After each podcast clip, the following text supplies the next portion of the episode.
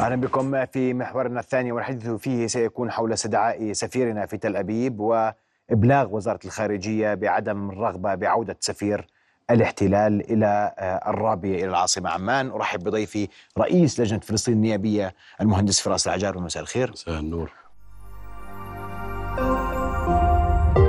رؤيا بودكاست. واليوم آه، آه، جاء القرار الأردني عصرا بإستدعاء سفيرنا في تل أبيب وابلاغ الخارجية الإسرائيلية بعدم رغبتنا بعودة سفيرها إلى عمان وأن الأمور لن تعود إلى ما كانت عليه سابقا قبل وقف إطلاق النار. أنه ما في سفير مرحب فيه لا يصير إطلاق نار ولا سفير راح يرجع قبل ما يصير وقف إطلاق نار ودلالات هذه الخطوة ولماذا اليوم؟ يا سيدي في بداية نثمن الموقف الرسمي الأردني وعلى رأسه جلالة الملك وأنا لن أستخدم الدبلوماسية. هو طرد للسفير الإسرائيلي. كيف؟ هذا بالأعراف الدبلوماسية عندما يطلب من دولة أن سفيرها غير مرغوب فيه في العودة إلى الدولة الأخرى هذا بمثابة طرد للسفير الإسرائيلي. واستدعاء سفيرنا وأنا أتوقع أن يكون هناك خطوات أخرى لأن الأولوية الأولى للدبلوماسية الأردنية وعلى رأس جلالة الملك وقف العدوان. فإذا لم يتوقف العدوان هذا إجراء تم المطالبة فيه عدة مرات تم التصويت عليه في مجلس النواب وهو مطلب للشارع الأردني كافة والقيادة متناغمة مع الشارع وأيضا الأوضاع على الأرض والتي تنذر بالشرر الكبير تستدعي مواقف وقد تتتابع المواقف الأردنية من تجميد الاتفاقيات أو إلغاء الاتفاقيات أو حتى قطع العلاقات. لأن الملف الآن والواقع على الأرض والواقع على أهلنا في غزة يستدعي مواقف أكثر من ذلك. وحتى ذلك عندما تنظر أنت للأردن عضو في المحكمة الجنائية الدولية. والتي أنشئت بموجب اتفاقية روما وأيضا فلسطين عضو في هذه ال- المحكمة الخطوة القادمة يجب الضغط باتجاه توجيه تهم جرائم الحرب للصهاينة الذين يرتكبون كل يوم الإبادة الجماعية قصف دور العبادة قصف المستشفيات قصف المدارس التي هي مراكز إيواء ضرب البنية التحتية قطع الكهرباء قطع الماء قطع الاتصالات. لا يوجد دواء في غزة. هذه كلها ترقى إلى جرائم حرب ويجب تحريك دعوة ضد هؤلاء المجرمين. وأيضا مخالفة اتفاقية جنيف الرابعة بحماية المدنيين الذين يقبعون تحت الاحتلال. هذا العدو الغاصب يضرب عرض الحائط بكل الاتفاقيات وبكل الأعراف الدولية وبكل الأعراف الإنسانية. وجلالة الملك يقود جهد دبلوماسي عربي ودولي للأولوية الأولى ال- والتي تتمثل بوقف العدوان عن أهلنا في غزة وحتى في الضفة الغربية التي قطعت أوصالها بالجدار والتي تعاني يوميا من الاعتقالات ومن القتل وبتغيير قواعد الاشتباكات وبإطلاق قطعان المس المستوطنين ضد أهلنا في الضفة الغربية. فهذا كله يستدعي موقف وكان الموقف الأردني آه، تقدمي على كل المواقف اللي موجودة في المنطقة في طرد السفير الإسرائيلي اليوم وهذا قرار أثل صدور الأردنيين جميعا. ما هو قادم؟ أنت تقول لي نقطع مزيدا من العلاقات ونجمد اتفاقيات. الهدف من الدبلوماسية الأردنية الآن وعلى أولويات جلالة الملك والدبلوماسية الأردنية كامل وقف العدوان. ما لم يتوقف العدوان وإذا ما تم العبث في ملف التهجير وقد أعلنت الدبلوماسية الأردنية على لسان وزير الخارجية أن العبث بملف التهجير يعني هو بمثابة إعلان حرب ضد الأردن. فقضية إعلان الحرب يتبعها أمور قطع العلاقات مراجعة الاتفاقيات كاملة كل الاحتمالات مفتوحة. والأردن ليس ضعيف والأردن لديه أوراق في المنطقة وجلال سيدنا يقود حراك دبلوماسي عالمي وإقليمي. لوقف العدوان عن أهلنا في غزة الصامدين الذين يقبعون تحت هذا العنف وهذا الذي لم يشهد له مثيل في التاريخ. قاربت الشهداء على التسعة آلاف والمفقودين آلاف وجلهم من الأطفال والنساء. هذا لم يشهد التاريخ مثل هذا العدوان على هذه المساحة. غزة 365 كيلو متر مربع يسكن فيها مليونين ومئتين ألف غزي. أينما ذهبت توجد بشر. أينما ضربت توجد بشر وهم لم يفرقوا ما بين المدني وما بين الأهداف ال- الوهمية التي يبحثون عنها. طيب عشان بس آه، نتحدث بكل وضوح. وال- والأردن على الأقل في الغرف الم- الم- المغلقة وفي حديثه مع مع كافة المعنيين يتحدث بوضوح أن كل الأوراق على الطاولة اليوم. صحيح. وأنه لا مجال للتلاعب فيما يحدث اليوم في قطاع غزة ولا مجال لتمرير أي مخططات على حساب الغزيين وعلى حساب الأردن ومصر. وهناك تنسيق مباشر مصري أردني في هذه على الملفات. نعم واليوم عندنا أزمة كبيرة واضحة جدا اسمها معبر رفح. نعم. أزمة أنا عشان نكون صادقين مهندس فراس هي هي أزمة عربية لأن العرب اليوم يريدون تمرير مساعدات لغزة. وهناك عوائق صح. أمام تمرير هذه المساعدات ويحتاج العرب لكسر هذا العائق على أقل تقدير في مرحلة أولى. صحيح برأيك هل الوسائل الدبلوماسية قادرة على وقف عنجهيه قادرة الاحتلال في هذا؟ اليوم في فتح للمعبر لخروج الجرحى لتلقي العلاج وأيضا عبرت في الأمس قافلة مساعدات أردنية من جسر الملك حسين محملة بالأدوية وبالحبوب وهذا الجهد آه، أنا قلت لك الجهد الأردني الأساسي منصب على وقف العدوان ولكن أيضا للتخفيف عن أهلنا هناك أيضا هناك جهد كبير تقوم فيه الدبلوماسية الأردنية ولا أبلغ من ذلك كان خطاب آه، وزير الخارجية في الأمم المتحدة والذي كان هو بمثابه مدافع من أقوى المدافعين كان عن آه، أن يجب أن يتوقف هذا العدوان على أهلنا في غزة. الآن كارثة إنسانية كارثة إنسانية بكل أبعادها بكل أبعادها. طب اليوم ما ما قبل السابع من أكتوبر وما بعد السابع من أكتوبر اردنيا كيف كيف يقرأ اليوم؟ سيدي وأنتم مجلس النواب يعني المفروض سأقرأ لك المشهد ما قبل السابع من أكتوبر مم. منذ وصول حكومات اليمين المتطرفة إلى السلطة في الكيان ودخلت اتفاقية السلام في تجميد وكانت العلاقات شبه مقطوعة لعدم امتثالهم لصوت العقل وعدم امتثالهم لإعطاء الشعب الفلسطيني حقوقه المشروعة والتي نصت عليها كل قرارات الشرعية الدولية، فكانت الأصل العلاقات لم تكن في أحسن أحوالها ولكن أيضا عندما أتى السابع من أكتوبر وهذا الهجوم الهمجي على أهلنا يجب وأعتقد أنه سيكون هناك مراجعة للكثير من الأمور في هذه العلاقة. أنت بتقول مراجعة في هذه الأمور أنا بتفق معك لكن اليوم أنت بتقول لي ما قبل السابع من أكتوبر يختلف عن ما بعد السابع من أكتوبر. صحيح. لكن إحنا اليوم هذا ليس سرا. أن أن أن العلاقة الأردنية مع مع الاحتلال هي تمر في توترات منذ سنوات مش اليوم. صحيح ما قلت لك. وهذا مستمر واليوم- منذ سنوات. وهناك استهداف الأقصى واستهداف القدس صحيح. واستهداف واستهداف واستهداف واستهداف ل- لكل ما يخص الأردن اليوم. صحيح والأردن مستهدف. نعم. طيب. اليوم ماذا نملك من أوراق؟ اليوم إحنا قلنا للسفير تعال وسفيركم خليه عندكم خلصنا. يا سيدي إحنا نملك من الأوراق العديدة، أول شيء نحن نملك أطول حدود مع فلسطين. ثاني شيء تملك الدبلوماسية الأردنية علاقات دولية وعلاقات عربية، وجلالة الملك في الأمس كان في جولة خليجية وقبلها كان في جولة أوروبية. اليوم. اليوم. نعم. فهذا كلها جهود تصب في وقف. هذا أصلا هذا آه، العقلية الإسرائيلية الآن تصب في ضد مصالحهم أيضا. هم الآن من يوصل هؤلاء المجرمين إلى سدة الحكم. هل تتخيل أن وزير يتجول في الأقصى حاملا مسدس؟ هذه رسالة للجميع. هذا وزير في حكومة يحمل مسدس ويتجول في الأقصى. آه، اقتحام الأقصى. إطلاق ال- المستوطنين في الأقصى. وأيضا لا يخفى أيضا من الجرائم التي تتكرر يوميا من هذا الكيان. قضية الفصل العنصري وحتى يمارس على أهلنا في الخط الأخضر داخل الخط الأخضر. وأيضا هذا الجدار الذي قطع أوصال الضفة الغربية. هذا الجدار الذي قطع 700 ألف مستوطن في الضفة الغربية. هل هذا مؤشر على أن هذه الدولة تريد إعطاء الحقوق للفلسطينيين؟ كل المؤشرات على الأرض أن هذه الدولة تحمل مخططات شريرة ضد الوجود الفلسطيني على أرضه الشرعية. وجلالة الملك كان واضح في كل خطاباته أن قضية الترانسفير لأهلنا ستكون هي الخط الأحمر. واليوم صار واضح أنه حالة عن حرب نعم هم يسعون إلى قضية تهجير الفلسطينيين سواء من غزة أو من الضفة الغربية. وحتى الآن هناك مشروع قانون في الكنيست لسحب الجنسيات من عرب ال 48 وممارسة الفصل العنصري اليومي على كل الفلسطينيين. طوفان الأقصى أوقف كل ذلك. تتفق تختلف. طوفان الأقصى أعاد القضية إلى أولويات العالم.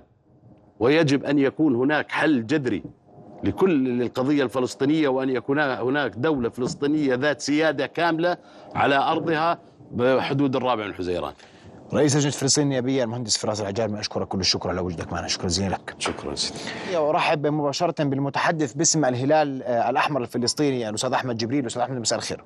المساء أستاذ أحمد آه، أبدأ معك في آه، الحال اليوم في فلسطين وتحديدا وانت تتحدث من رام الله ومطلع على كل ما يحدث في قطاع آه، غزة. هناك انقطاع اتصالات وعودة اتصالات مع مع آه، رفاقكم وزملائكم آه، في الهلال الأحمر الفلسطيني الأبطال في غزة. أبرز تطورات في هذا الملف ما الذي يحدث وضع الهلال الأحمر الفلسطيني في قطاع غزة؟ تفضل.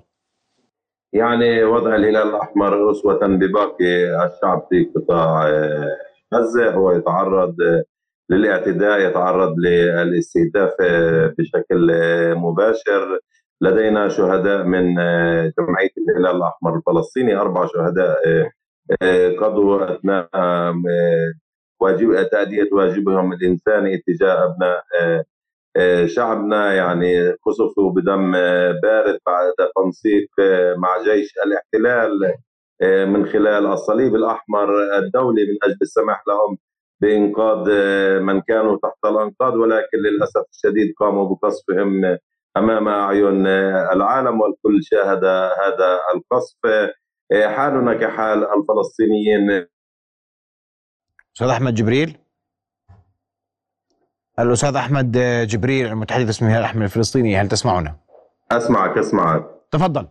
آه، كنت أتحدث عن عن طواقمنا التي تعمل على مدار الساعة في قطاع آه، آه، غزة على مدار آه، 27 يوم من هذا العدوان الغاشم على قطاع غزة. لا زال طواقمنا يؤدوا واجبهم الإنساني ليس فقط في إسعاف آه، المصابين وليس في المستشفيات. كذلك الأمر هي استلام المساعدات الإنسانية التي تدخل من خلال معبر رفح الكل يعلم أن جمعية الهلال الأحمر هي الجهة التي تستلم هذه المواد وتقوم بتوزيعها على المواطنين في قطاع غزة. كذلك الأمر لدينا فريق دعم نفسي من أجل دعم الأطفال الذين هم في حالة نفسية سيئة في قطاع غزة لدينا فريق للإغاثة وت- وتقديم المساعدات الإنسانية في آه، الهلال الأحمر في غزة يعمل بجهد آه، كبير رغم دع- دعني آه، سؤالا الاستهداف. واضحا وصريحا حول منطقة جباليا تحديدا والتعامل مع هذه المنطقة من قبلكم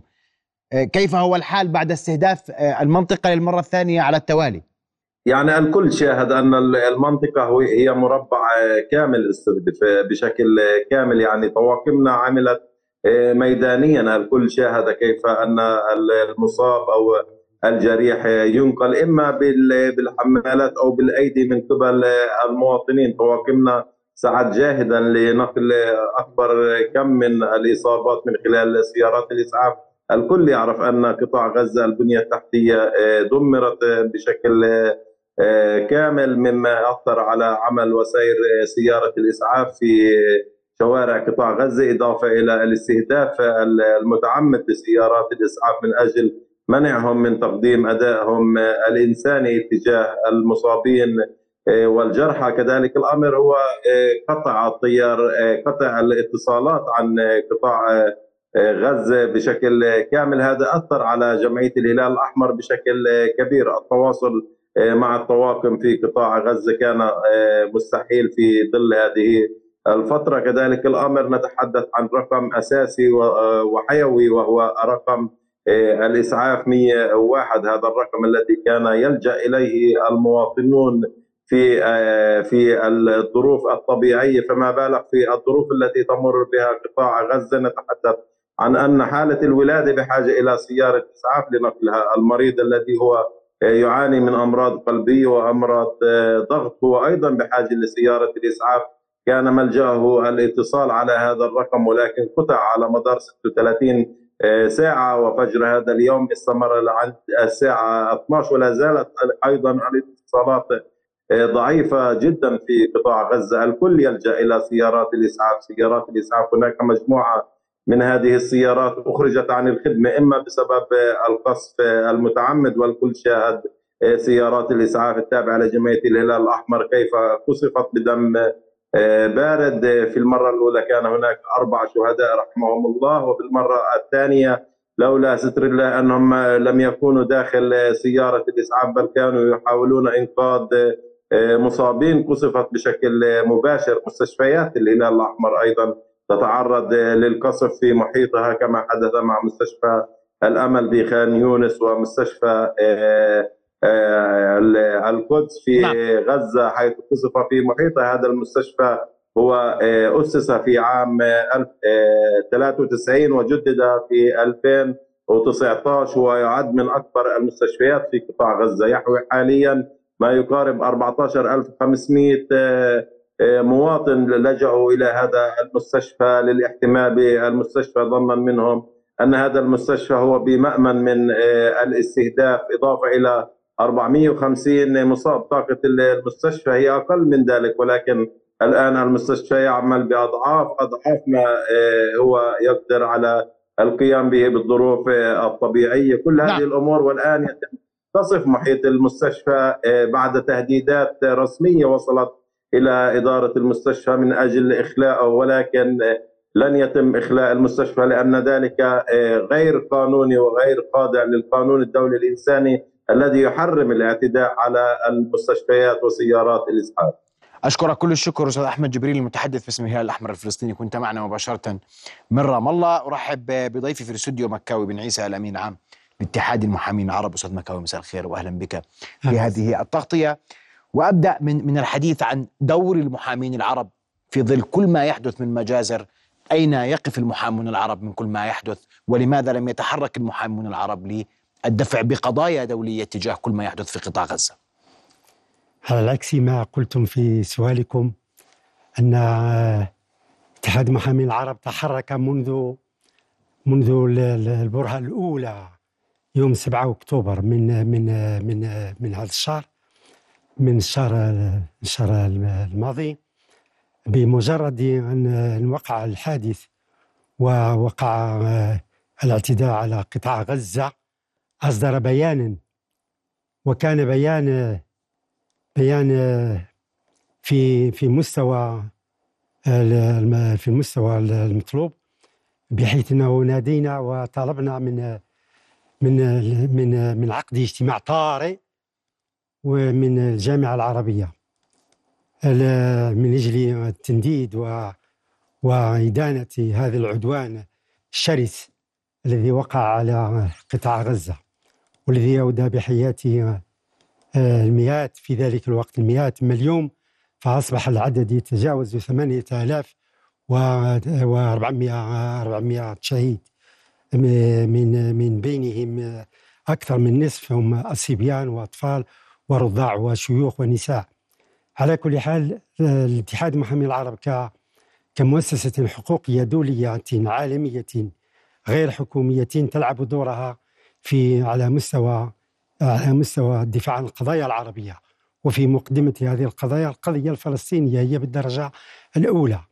الدرجة الأولى بحيث أن القضية الفلسطينية هي القضية المركزية والأساسية التي يتم بها اتحاد محامين العرب. ولذلك فإن الاعتداء الذي وقع على على غزة ولا زال ولا زال مستمرا منذ 7 أكتوبر إلى الآن يهتم بها كثيرا ويهتم بها ويعتبرها ويعتبرها ويعتبرها أنه القضية الأساسية والجوهرية من أجل إيجاد الحلول المناسبة والقانونية من أجل إيقاف هذا الاعتداء الشرس على هل من تحرك هل من تحرك آه، بعيدا عن البيانات والتنديد والاستنكار آه، ودعوة الجامعة العربية هل هناك تحرك حقيقي اليوم أو يفكر اتحاد المحامين العرب بالتحرك باتجاه المحاكم الدولية نعم المحاكم الجنائيه نعم نعم آه، إحنا الآن نعقد اجتماع مكتب الدائم لاتحاد المحامين العرب في عمان بعنوان تحت عنوان فلسطين القضية العادلة. آه، بمعنى أن نحن سنتدارس كل السبل وكل وكل الطرق التي تؤدي إلى إيقاف أولا إيقاف العدوان إيقاف الحرب على الشعب الفلسطيني. وفي نفس الوقت في نفس الوقت سنتدارس ما هي الآليات القانونية والفاعلة من أجل حماية الشعب الفلسطيني من هذا العدوان. ثم في نفس الوقت أننا نهيئ الآن ملف لعرضه على المحكمة محكمة الجناية الدولية من أجل ردع هذا العدوان الشرس على على الشعب الفلسطيني وبصفة خاصة على في على قطاع قطاع غزة هل سيتم توجيه آه، يعني اتهامات لهذا الاحتلال بارتكاب جرائم حرب في الملف اللي ذكرته؟ نعم نعم هي جرائم حرب وجرائم ضد الإنسانية وأن الملف يتضمن وثائق ومستندات مهمة وحجج دامغة على هذه المجازر التي يرتكبها الكيان الإسرائيلي نعم. المدعم هذا هو الأساس لأنه إحنا لنا القضية هي ليست قضية بين بين الشعب بين إسرائيلية فقط ولكن مع كل أسف مع كل أسف أن أن أن هذا الاعتداء مدعم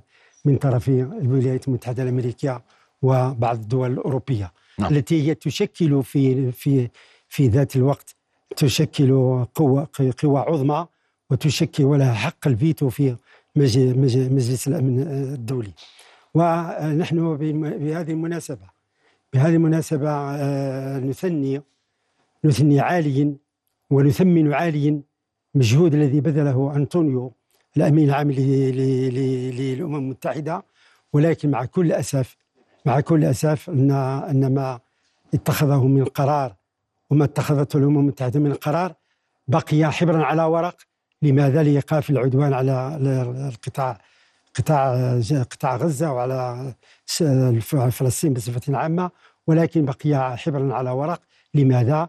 لأن الولايات المتحدة تقف وقفت ضد هذا القرار نعم. الذي الذي يؤدي إلى وقف الفوري لهذا العدوان وهذا الاعتداء الواقع على قطاع غزة. نعم. أشكرك كل الشكر مكاوي بن عيسى الأمين عام الاتحاد المحامين العرب على وجودك ومشاركتك معنا. ونأمل أن ترى هذه الملفات كلها النور قريبا آه، في عمان حتى تقدم أمام الجهات الدولية. إن شاء الله. وندفع باتجاه باتجاه أكثر نحو الحقوق القانونية التي سلبت من الشعب الفلسطيني بالكامل في هذه المعركة.